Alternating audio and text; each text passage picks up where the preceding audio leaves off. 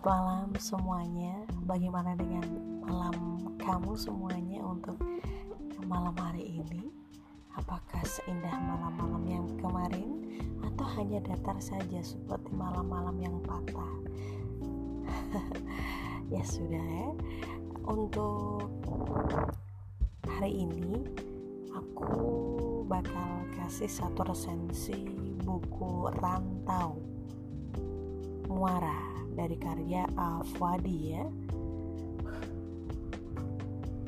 Bertuanglah sejauh mata memandang Mengayuhlah sejauh lautan terbentang Bergurulah sejauh alam terkembang. Bicara tentang buku ini Yaitu mengenai kepercayaan diri Alif Alif dalam toko buku ini Sedang menggelaga sudah separuh dunia dia kelilingi. Tulisannya tersebar di banyak media dan dia diwisuda dengan nilai terbaik. Perusahaan mana yang tidak tergiur merekrutnya? Namun, Alif lulus di saat yang salah, akhir 90-an. Tentunya Indonesia dicekik krisis ekonomi dan dihoyak reformasi lowongan pekerjaan sulit dicari, kepercayaan dirinya goyah. Bagaimana dia bisa menggapai impiannya?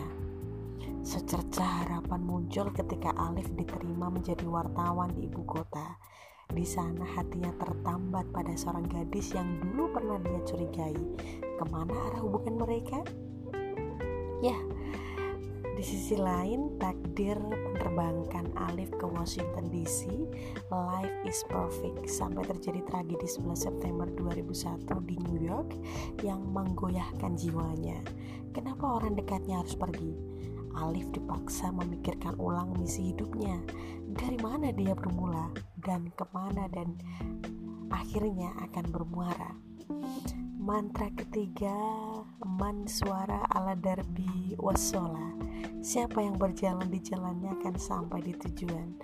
Menuntun pencarian misi hidup Alif Dalam buku ini hidup hakikatnya adalah pentawan Suatu masa akan kembali ke akar Ke yang satu, ke yang awal. Ya Tentunya dalam buku ini Rantau Satu Muara adalah kisah pencarian tempat berkarya, pencarian belahan jiwa, dan pencarian di mana hidup akan bermuara. Novel ini adalah buku ketiga dari trilogi Negeri Lima Menara yang ditulis Afwadi, novelis asal Minang yang pernah tinggal di Washington DC, London, dan Singapura. Keren sih ya, dalam buku ini sekali lagi aku bacakan Bertuanglah sejauh mata memandang, mengayuhlah sejauh lautan terbentang, dan bergurulah sejauh alam terkembang. Wow, keren banget nih. Dalam bukunya untuk uh, bab atau halaman 33 dalam bab ke-6 Kepak Rama-Rama. Dalam buku ini ditulis Ibu kos dengan daster kebesarannya sudah sibuk gilir mudik dengan aktivitas paginya, menyapu, mengelap kaca jendela, sapu ijuk di tangan kanan dan selelap hinggap di bahunya. Suatu berita di televisi disetel keras-keras. Punten bu, kataku ketika lewat ke kamar mandi. Monggo, eh Liv, coba lihat tuh di pintu kamar kamu. Giura, kayaknya kamu bakal kedatangan tamu deh, atau bakal dapat uh, keberuntungan. Aku memutar badan dan melihat ke arah pintu kamarku tepat di atas plat mobil Quebec yang kutempel di pintu. Bertengger seekor kupu-kupu besar sesekali sayapnya mengepak pelan. Di kampungku kalau ada kupu-kupu atau rama-rama masuk rumah katanya akan kedatangan tamu.